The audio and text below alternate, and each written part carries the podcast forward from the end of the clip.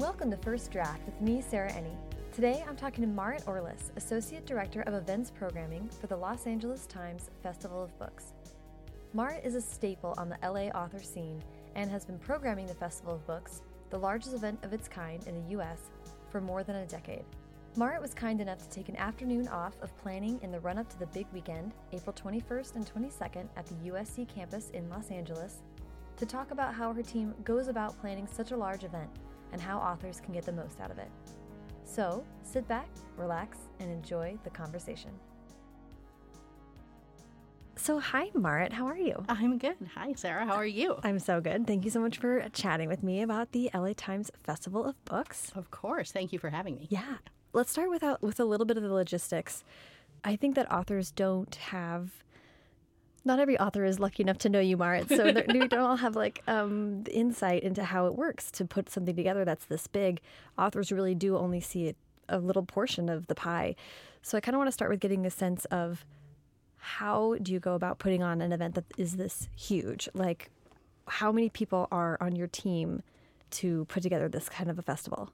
Well, to start, let's be clear that I oversee the programming for the festival, which is just one part. I have nothing to do with venue rentals, tents, the footprint of the festival, sponsors, exhibitors, all of those pieces. So there's a huge, huge team that works on the festival as a whole. Mm-hmm. The LA Times events team constitutes about 11 people at the moment.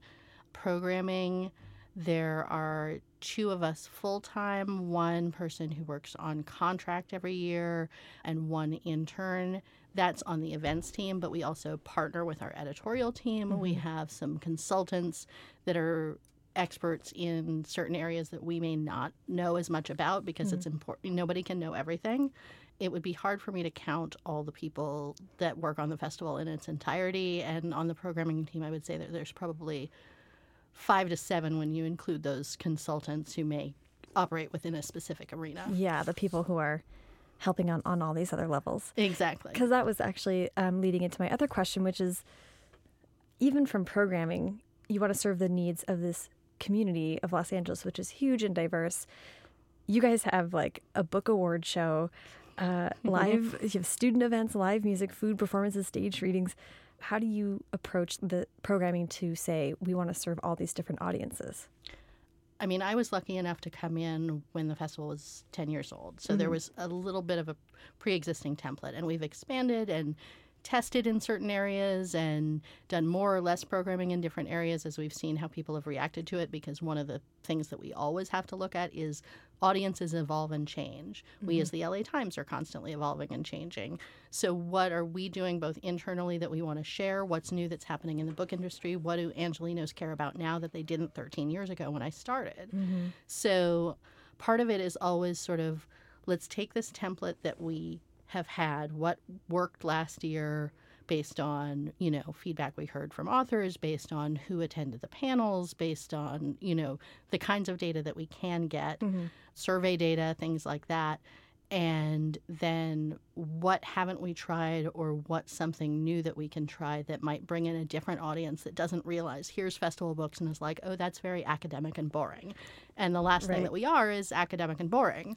I like to think anyway. and so, you know, it's like, what can we do to constantly be, you know, serving our core audience that loves the festival for what it was when it started and reaching new audiences that has that have never been. Yeah. What are some examples of big changes that you've I mean, you saying like what's different now from 13 years ago? That's so interesting to me. What are some of the biggest changes? Well, when we started 13 years ago, we didn't have a young adult stage that's one. We've had a young adult stage, as you know, mm-hmm. for quite a long time. And we had young adult programming, but it was indoors with all the rest of the programming. And it was like three or four panels, and mm-hmm. that was about it. And actually, credit where credit is due, three young adult authors from the LA community, Cecil Castellucci, Lisa Yee, and Ron Koertge, came to visit me at the LA Times like maybe after my first year of doing this was like you should have a young adult stage maybe it was two years after. And I was like, I like young adult books. So, you know, for me, there was an area of interest, but I didn't really know how do we have a new stage? Can we have a new stage? Mm-hmm. And we ended up, I talked to people who know more about like what that means from a budget standpoint and mm-hmm. where would we put it and things like that. And we ended up having our first young, young adult stage. And that added, you know, there's nine panels on the YA stage each year and then indoor programming as well. Mm-hmm. And that felt like it was following the lead of publishing, um, which has expanded. Its young young adult has just grown massively. Yeah. And then even this year, we have a whole- whole area that we are calling News Story, because we're punny. Um, we're the LA Times. It's a news story, and it's a news story. Do you get it? Um, anyway, uh, this guy Clint Schaff, who works with us at the Times, has been really curating and helping to oversee how you look at storytelling from all angles because we've always done like for example last year we've done page to screen things so last year we had margaret atwood Yeah. who is of course an author but she was there to talk about the handmaid's tale the show and adapting it from page to screen we've done screenings of orange is the new black when it first started as a show we had the whole cast there and the author talking about the book and the adaptation we've had podcasts like nate corddry Mm-hmm. and so, really, what books are at their core is storytelling. Mm-hmm. And so, what are different forms of storytelling and what are new ways of storytelling, whether it's music, whether it's spoken word, whether it's VR and AR, whether it's podcasting, and how can we take what we've been doing a little bit at the festival in these areas and really sort of make our mark and show people that this is part of storytelling too and should be a part of a festival like this and is a way for authors lots of authors do play in all of these forms of storytelling Right. too and so how can we expand into that area so we have a whole zone with a stage where there's going to be music there's some indoor venues where there will be screenings live podcasts there's a space opera i'm not entirely sure of what that is but there's going to be a vr dome that people can like go in and watch vr there's going to be Cool. this cool sounding um like a hieroglyphics thing where you Oh. can go and make your own hieroglyphics and it's part of like this Like live art thing Painting thing. exactly Very cool. and so there's all kinds of different sort of forms of storytelling that are going to be both outdoors for people to sort of touch and feel and do experiential things Mhm. as well as panels or live podcasts or things like that that might or screenings that might have Yeah. already existed at the festival but haven't necessarily been sort of shouted out and condensed into like here's an area to tell this story. Right, where we're going to do these alternative kinds of. Yeah. Is so cool. Yeah, it's Um, it's really awesome and Clint and his team have been working incredibly hard on it and it's going to be it's going to be really fun and I think really interesting to see how people react to it. Yeah. Okay. Well, that's good for me to check out. There you go. So, okay, let's move into a little bit of author programming and, and authors. Like you mentioned, there are 500 to 600 authors. That doesn't even count all the rest of us who are just hanging out in the green room or the author uh, guests and all that stuff. There's a, so many people there. How do you decide who comes to the festival? Well, there's a committee comprised of people from our editorial team, from our programming events team, and you know, then again, some of these consultants who work on more specific areas. And we have a couple things that we sort of try and keep in mind because there's as many authors as we have, there are so many more books being published and so mm-hmm. many more authors that want to participate. And it's really an embarrassment of riches. And we know how lucky we are mm-hmm. to be turning down some of the great authors that we have to turn down. So, some of the things that we try and focus on, um, not always 100% successfully, but for the most part, is we want an author who has a new book since the previous festival Oh, okay. not necessarily new in paperback either if they were there for the hardcover. Although if they had to miss it for the hardcover and we can get them for the paperback, great. Mm-hmm. We try not to have, unless they're moderating, an author with a forthcoming book mm. because we figure if you're going to be on the panel, let's have something where that author can promote. And you know, it's just a way of weaning things down a little bit Right. because we can always have that author who maybe moderated the previous year mm-hmm. there for their book when it's out and actually speaking on a panel where they can talk more about their own book. Mm-hmm. We try to have a variety of genres. Obviously, we try to incorporate as much diversity as we can. And then we just kind of a little bit is of it is like a weird logic problem where it's all coming into place. Like we have a document, a giant Google document of over 600 submissions of Wow. people who submitted themselves or their authors to participate in the festival. Mm-hmm. At the same time, we also invite many, many authors on our own that Right. we, the people on the committee, have come up with by looking at what's coming out or what's come out since the last festival that looks really interesting and might be intriguing. We also want to think about the LA author community and making sure that there's a good representation of people from there. Mm-hmm. And then as you sort of do this combination factor of saying yes to some submissions and wait on that to some others and waiting to hear back from the invitations that you send, you start to go like, oh, those people would make an interesting grouping, and then we need somebody else who's talking about that. So then, who else has a book that maybe we didn't see the first time or was submitted to us that we initially didn't say no to but said wait on that actually is a perfect fit for rounding out that panel? It kind of starts then to mold maybe into the themes. Yeah, exactly, exactly. And we do. There are certain themes, particularly in the sort of current affairs or journalism or newsy areas that the LA Times is talking about and that are just happening in the world, where it's like we know we need to do a panel on Trump. Right. You know, for Right. example. So then we're on the lookout specifically for books of those types, Mm-hmm. things like that. So there's there's that that gets taken into account too. But I would say it's a really weird amalgamation of both programming from the inside out and the outside in. Right. Right. Which is why it takes Months. so much time. Yes. And so just so, just so I'm clear, this is the kind of thing that I think authors don't usually get to ask about. So sure. it's so interesting to me that you both are actively looking at stuff. So I'm guessing you get like what spring catalog from publishers, that kind of thing. We get catalogs. We put out a call for submissions um, To I- publicists. To publicists. Like I go through all the publicists that either sub- that both submitted authors and had authors in the festival the past two years. Publishers move publishing houses so frequently that if I went like six years old, then all I just get is this like undeliverable postmaster massive thing when I and I do a big call for submissions. But a lot of publicists that I've been working with for years also just like it'll be like June and they'll be like, Hi, I wanted to talk to you about this. I've already gotten some 2019 pitches and I was like, I cannot look at these right now. But thank you. They will go in a file. Right. Um so That's amazing.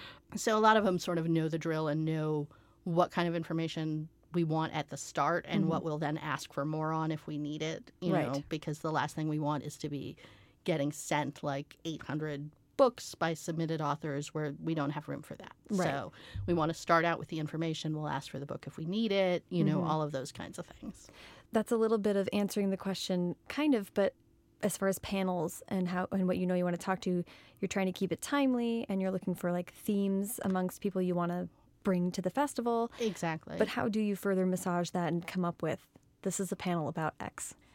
that's the fun part, which is, you know, all of us sitting in a room or sometimes sitting on our own and being like, I think these people would be cool together. And then we have these weekly meetings with the committee mm-hmm. where we're saying, where we're all sort of sharing our ideas or brainstorming together and going, does this fit or doesn't this fit? Or who is then searching the Google Doc for like keywords of like, oh, these two people are perfect together, but we need somebody else talking about prison reform. Have we been pitched that? You know, right, right. and searching a Google Doc for keywords on things like that. Mm-hmm. So a lot of it is just sort of brainstorming with really smart people that come from different points of view. Like everybody has their own stuff that are their, is their passion point as a reader. You Totally. Know?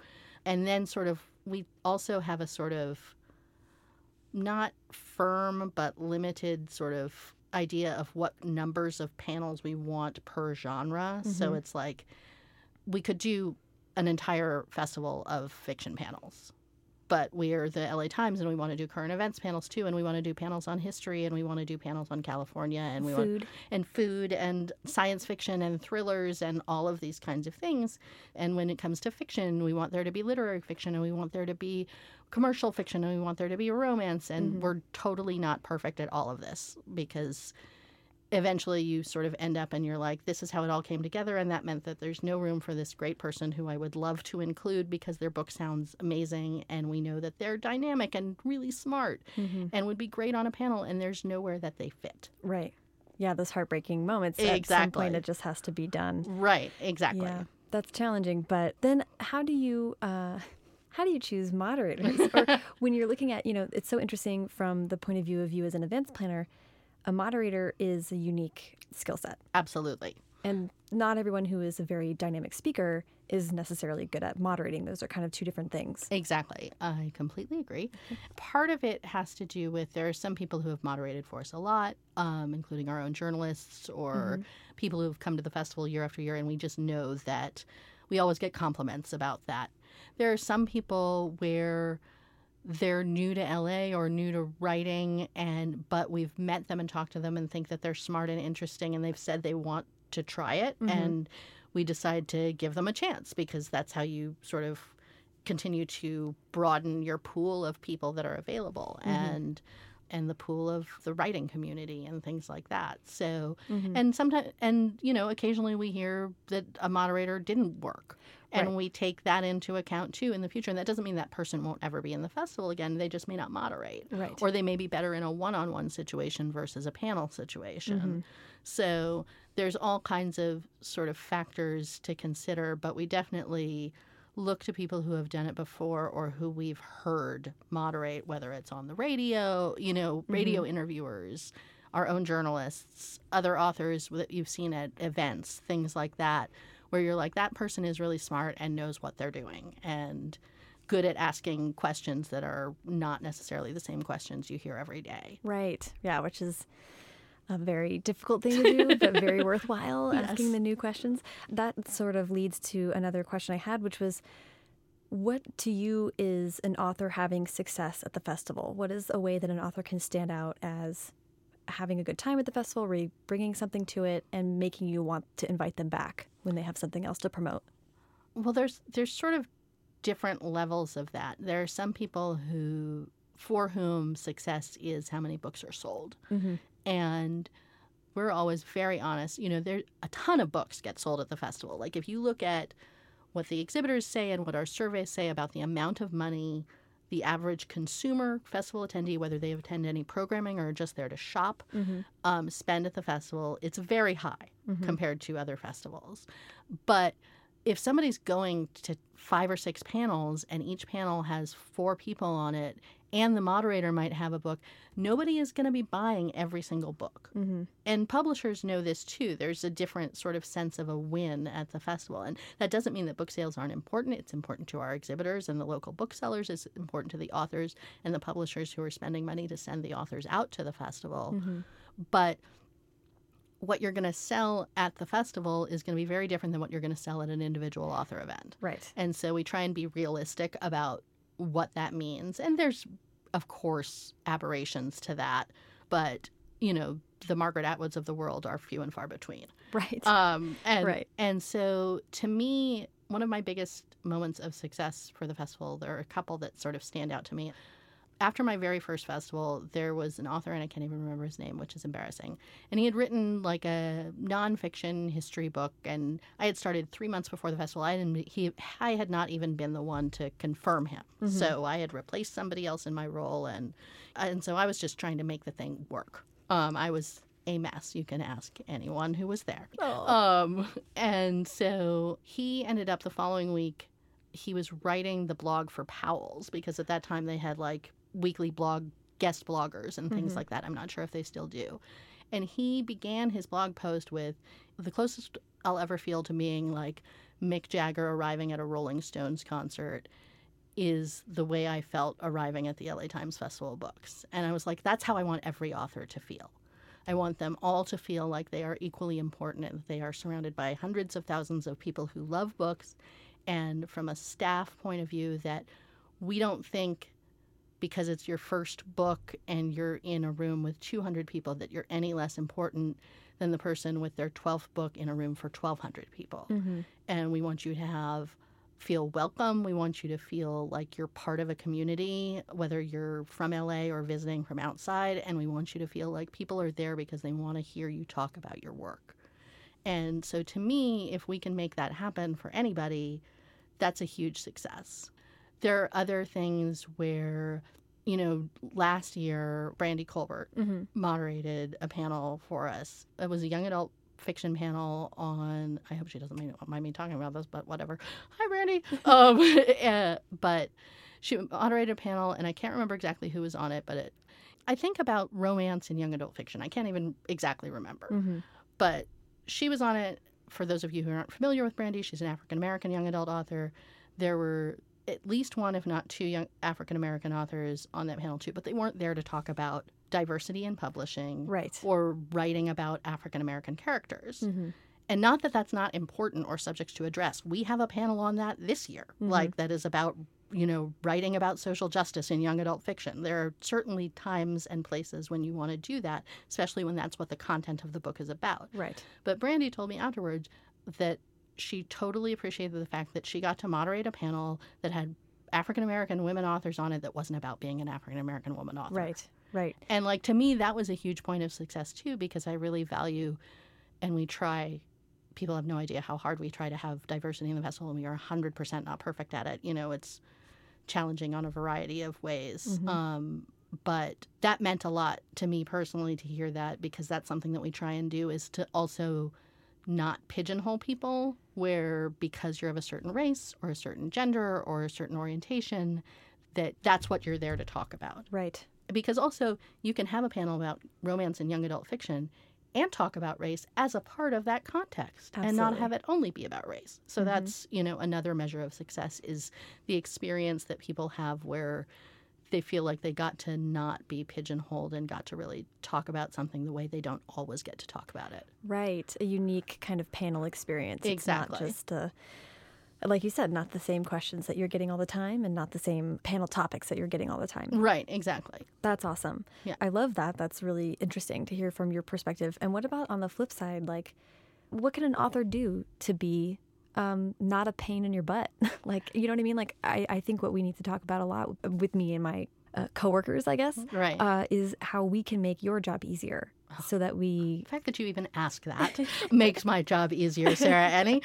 I think it's funny because I go out to the UCR Palm Desert MFA program once a year. Um, it's a low residency MFA program run by Tod Goldberg, who's also a good friend. Shout out to Tod. He comes to the festival, as do a lot of the faculty. And there are graduates. Liska Jacobs, for example, has a novel from FSG, Catalina, that came out in the fall. It's her first novel. And she's a graduate of that program. And she used to run events for the last bookstore in downtown and has been a part of the LA writing community for years. And now she gets to come be on a panel. That's amazing. My intern this year is actually a graduate of that program. Cool. And um, we should say that's UC Riverside. Yes. So UC Riverside's Palm Desert MFA program has me out about once a year, thanks Tod, to lecture their MFA students about sort of coming at it from an events angle, from a publishing, from a branding perspective. Like, I can't talk to you about the craft of writing. Mm-hmm. That's not my expertise. I mean, I have opinions on it because I'm a reader, but Right. that's not what I'm there to talk about. And they have plenty of people who can talk about that with much more expertise than I can. But what I can tell you about is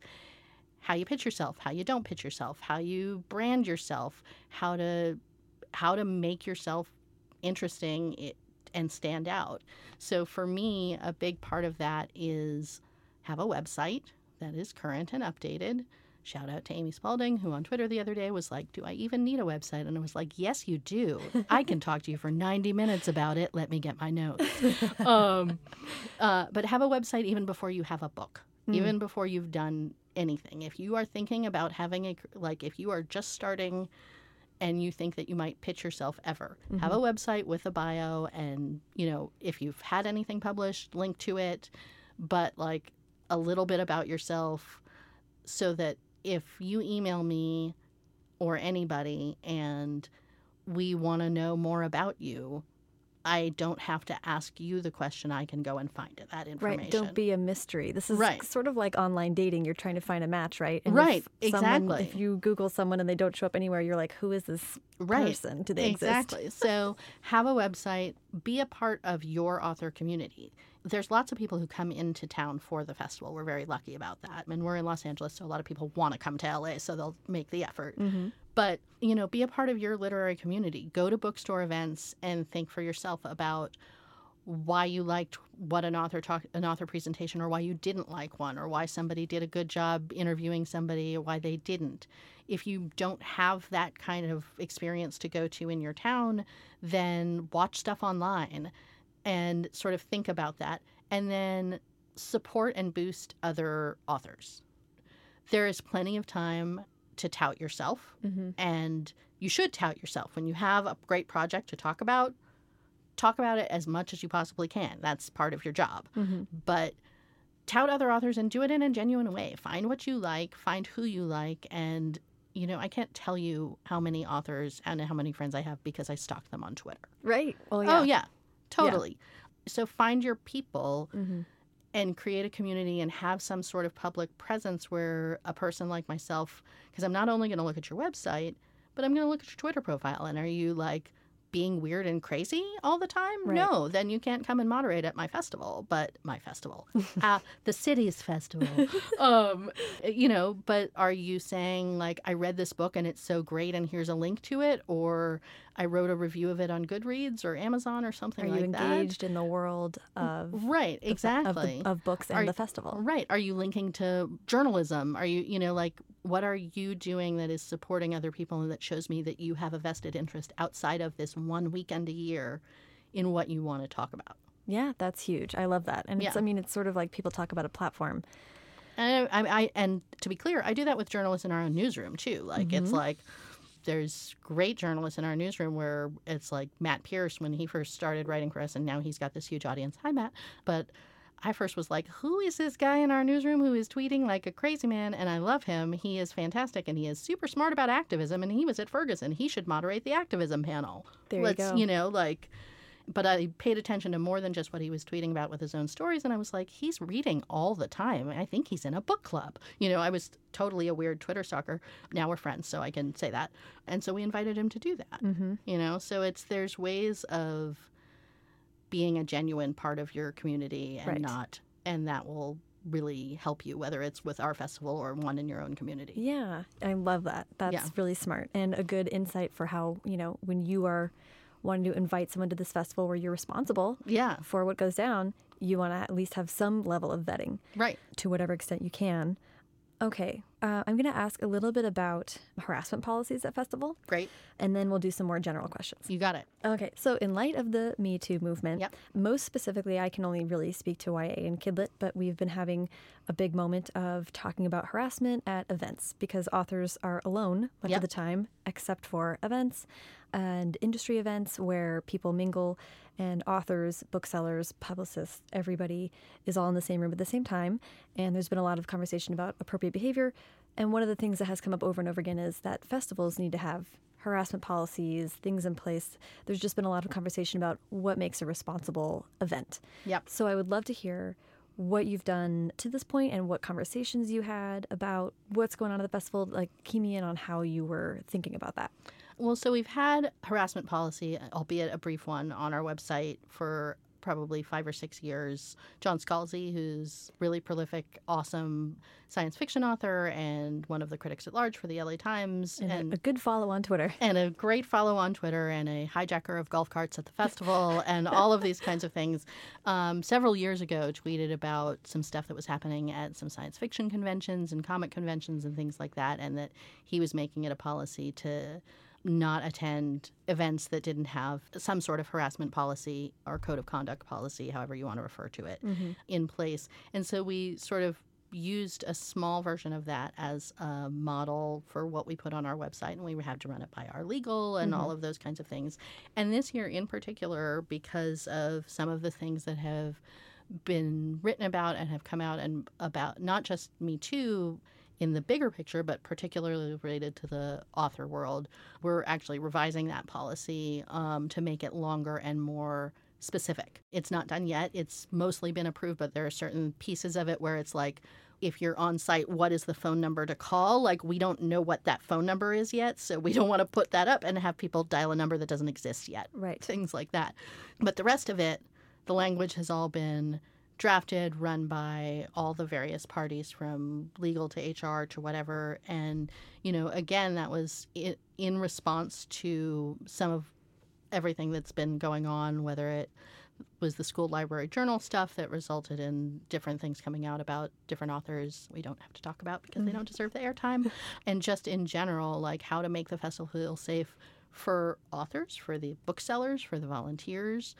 I'm embarrassed to admit that like I was the one who took the first pass at what this should be like, and I didn't include staff I didn't Oh. include myself in like the people that deserve to have a safe and welcoming environment. Right. You know, um, but everybody should be able to have that. And so we're using a model and a template that we found referenced in a few different places as a really good one where there's sort of going to be a small version of it that you can put out on social media Mhm. and a medium version that like is good for a website or a sign somewhere Mhm. and then a much lengthier version that is really important but really goes into everything where it's like you can't have a sign that says all of that unless the font is you know Right. 6.6 font and addresses all of the issues including the fact that we have panels about sexual harassment. We have mm-hmm. panels about race. We have panels about Trump. We have panels about all, and we have panels about fiction and family, which could bring up issues, sensitive issues for somebody else. So we also feel very strongly that people also need to be aware of what they're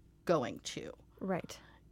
If you choose to attend a panel that is talking about race, there may be issues brought up that are or language that makes you uncomfortable and that's not necessarily harassment because some of this is about intent Mhm. and it's a really tricky wavy line to talk because you don't want to say like well i didn't intend that to sound harassing and or offensive but it and and disregard somebody taking something in a- in a certain way but we also feel like there is a level of responsibility that one has to have as an attendee Mhm. about what they're what programming they're choosing to go to and that we want the authors and journalists and writers and speakers who are talking about some of these more difficult issues to be able to talk about them thoroughly Right. without I don't want to say without worrying about offending people, but with getting into the difficult issues that are really hard for some people to hear about. Right. So we put in a little piece about like exceptions to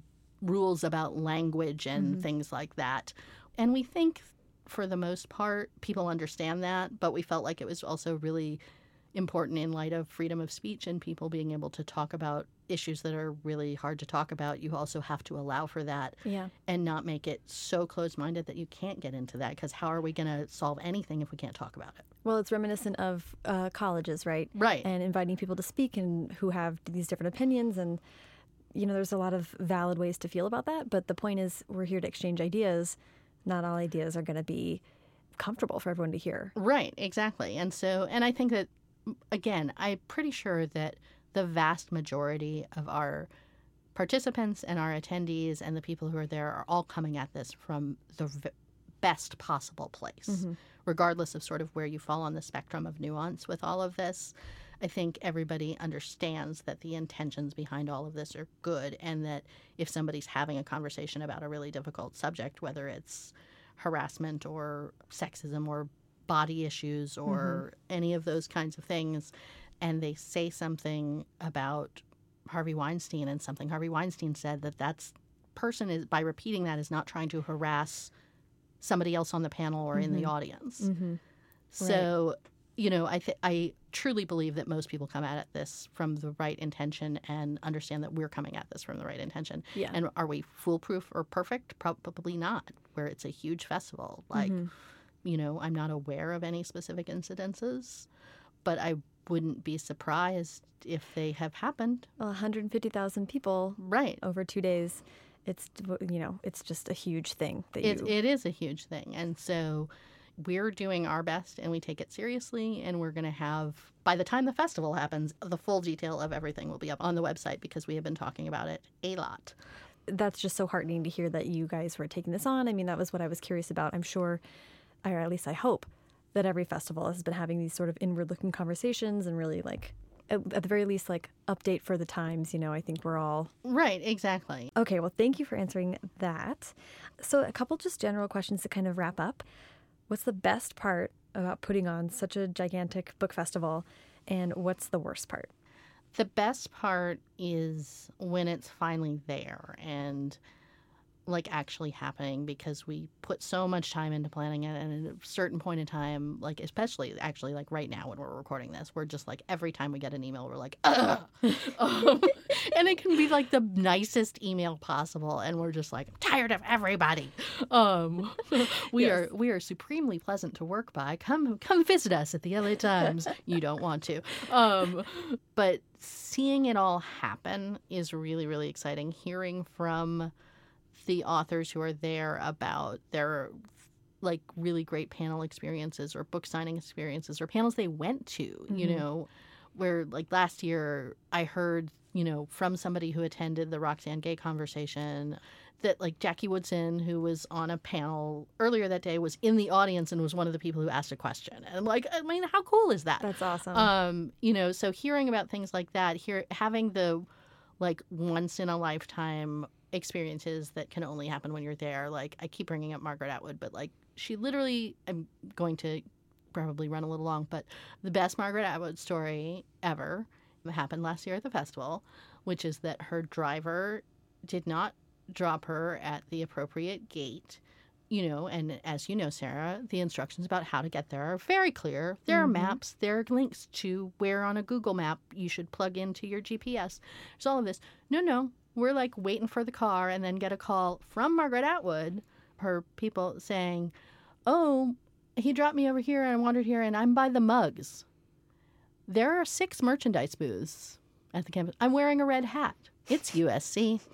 Um, and there's 150,000 people there. Oh and so we go like onto a golf cart, like driving around trying to find Margaret Atwood, who's like on the phone to, oh yeah, they have shirts, you know, like da da da we find her like basically at a merchandise booth right next to the line of like 1200 people waiting to get in and go see her. No one had realized that margaret atwood was sitting right there. Oh my gosh. And we're like should we just go in? Because now we're running late. But she was supposed to do this facebook live thing back over here. Okay we're going to take her and she can do five minutes of facebook live and then we'll take her back. And as we're driving back to go do the facebook live thing who do we see but the handmaids? And she's like oh stop. I want to go see the handmaids. And if Margaret Atwood wants to stop and see the handmaids, you stop and see the handmaids. And so oh we gosh. stopped and she got out and there's a picture that continues to float around the internet of that was taken by somebody like a publicist's phone of Margaret Atwood examining the handmaids and wow. then we ran her around all over the thing. So oh like you know who, who, else gets to experience something like that? Like not many people do that and unique. you never know what's going to happen that's like that and something happens that's weird and crazy and amazing every year. And probably more weird and crazy and amazing things happen that we don't even know about because we're holed up in the green room. Right, right. You've mentioned that a couple times, author feedback. Yeah. I want to know what's an appropriate way for an author to say thank you or to reach out, or do you go on Twitter and see that people were active? Or I go on Twitter all the time, and we have a team that runs the festival social media, and they'll like pull together some highlights. But I you know, one of the ways that I relax at night, each night of the festival before I go to sleep, is by pulling up all the social media and like searching the hashtag. Yeah. So I love seeing, I love seeing the tweets and the retweets and from audiences, from authors, etc.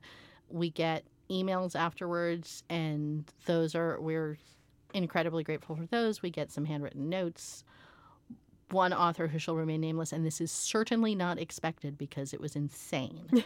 one year sent us a giant, like, thing of chocolate, but not like it was like 12 layers of 15 different little boxes of different kinds of gourmet chocolates. It lasted us like months. Whoa. Again, insane, probably supremely expensive. This was an author who would have been able to afford that, and we appreciate that author spending that money love the chocolate. But like, you know, like anything, just the words thank you or that I had a good time or and also we are 100% open to constructive criticism. Right. Like not everything is going to go perfect. We mm-hmm. understand that.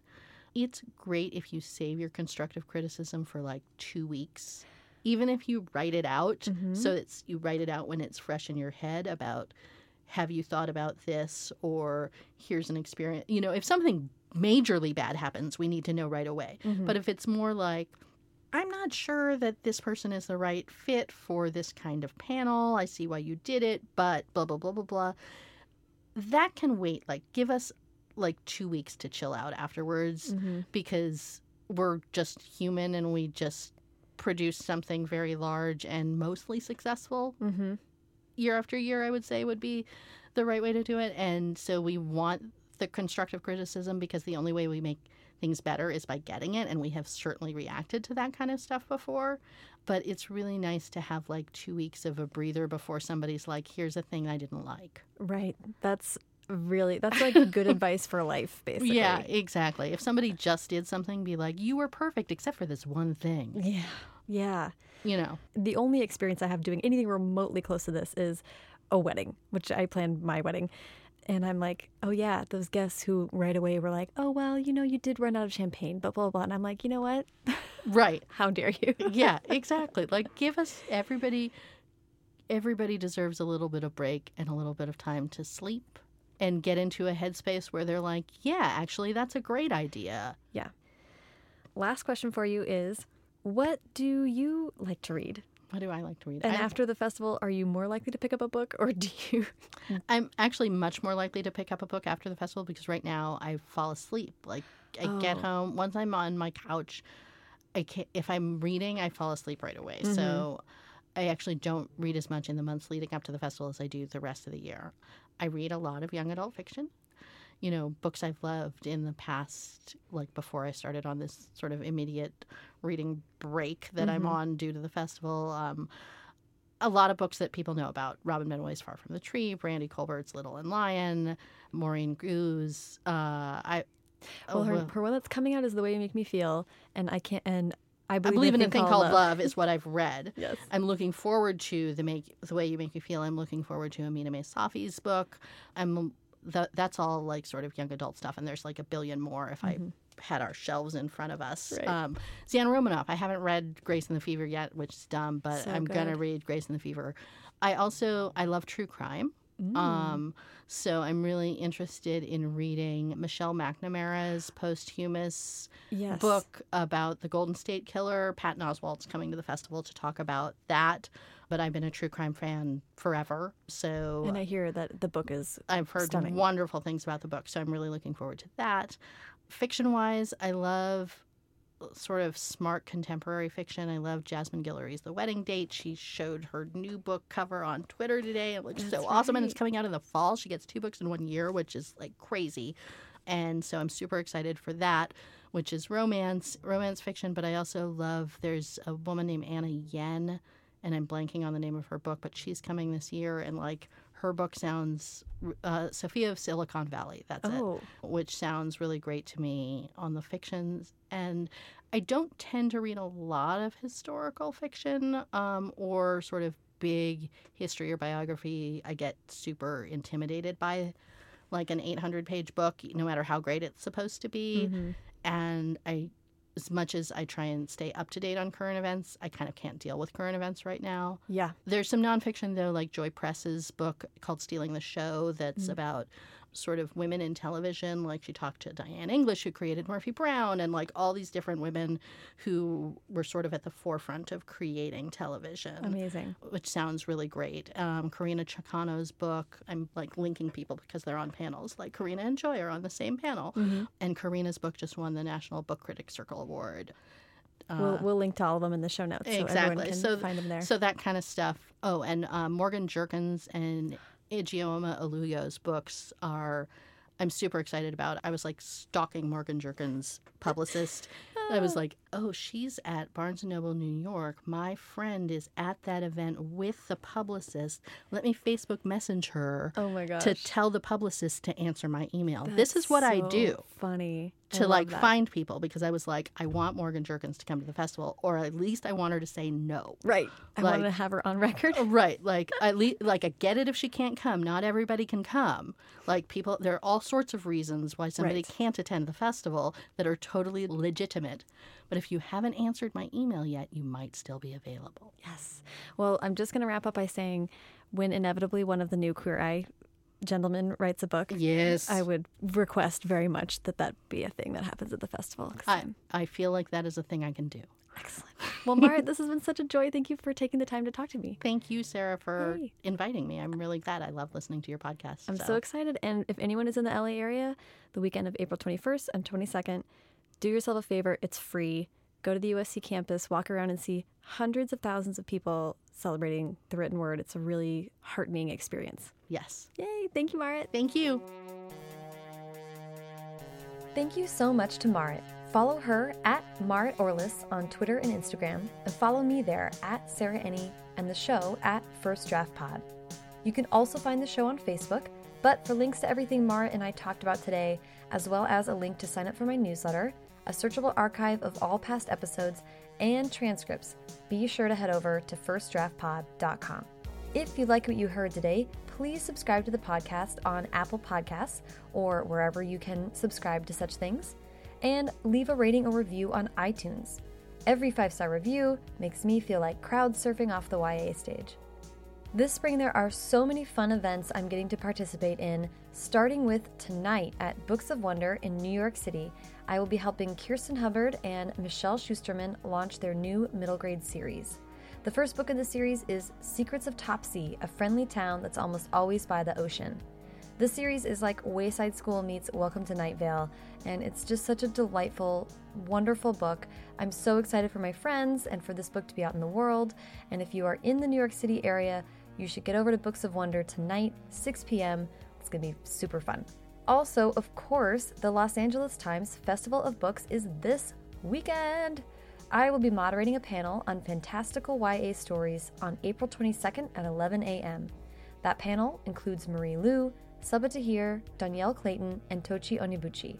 If you are anywhere near Los Angeles this weekend, go check out the festival. It's on the campus of USC all day April 21st and April 22nd, and or follow the Bookfest hashtag on all social media to feel like you were. I will also be helping Maurene Goo launch her newest YA, The Way You Make Me Feel, at the Ripped Bodice in Culver City, California on May 16th at 7 p.m. Maurene is the best, her new book is the best, and the Ripped Bodice is the best, so it will be an event for the ages. Don't miss it. That's May 16th, 7 p.m. Maurene Goob, me, doing fun stuff. Hang out. Haley Hirschman produced this episode. Drew Jostad also engineered the show this week. The theme music is by Hash Brown, and the logo was designed by Colin Keith. Thanks to super intern Carter Elwood and transcriptionist at large Julie Anderson. And as ever, thanks to you, chocolate gift giving authors, for listening.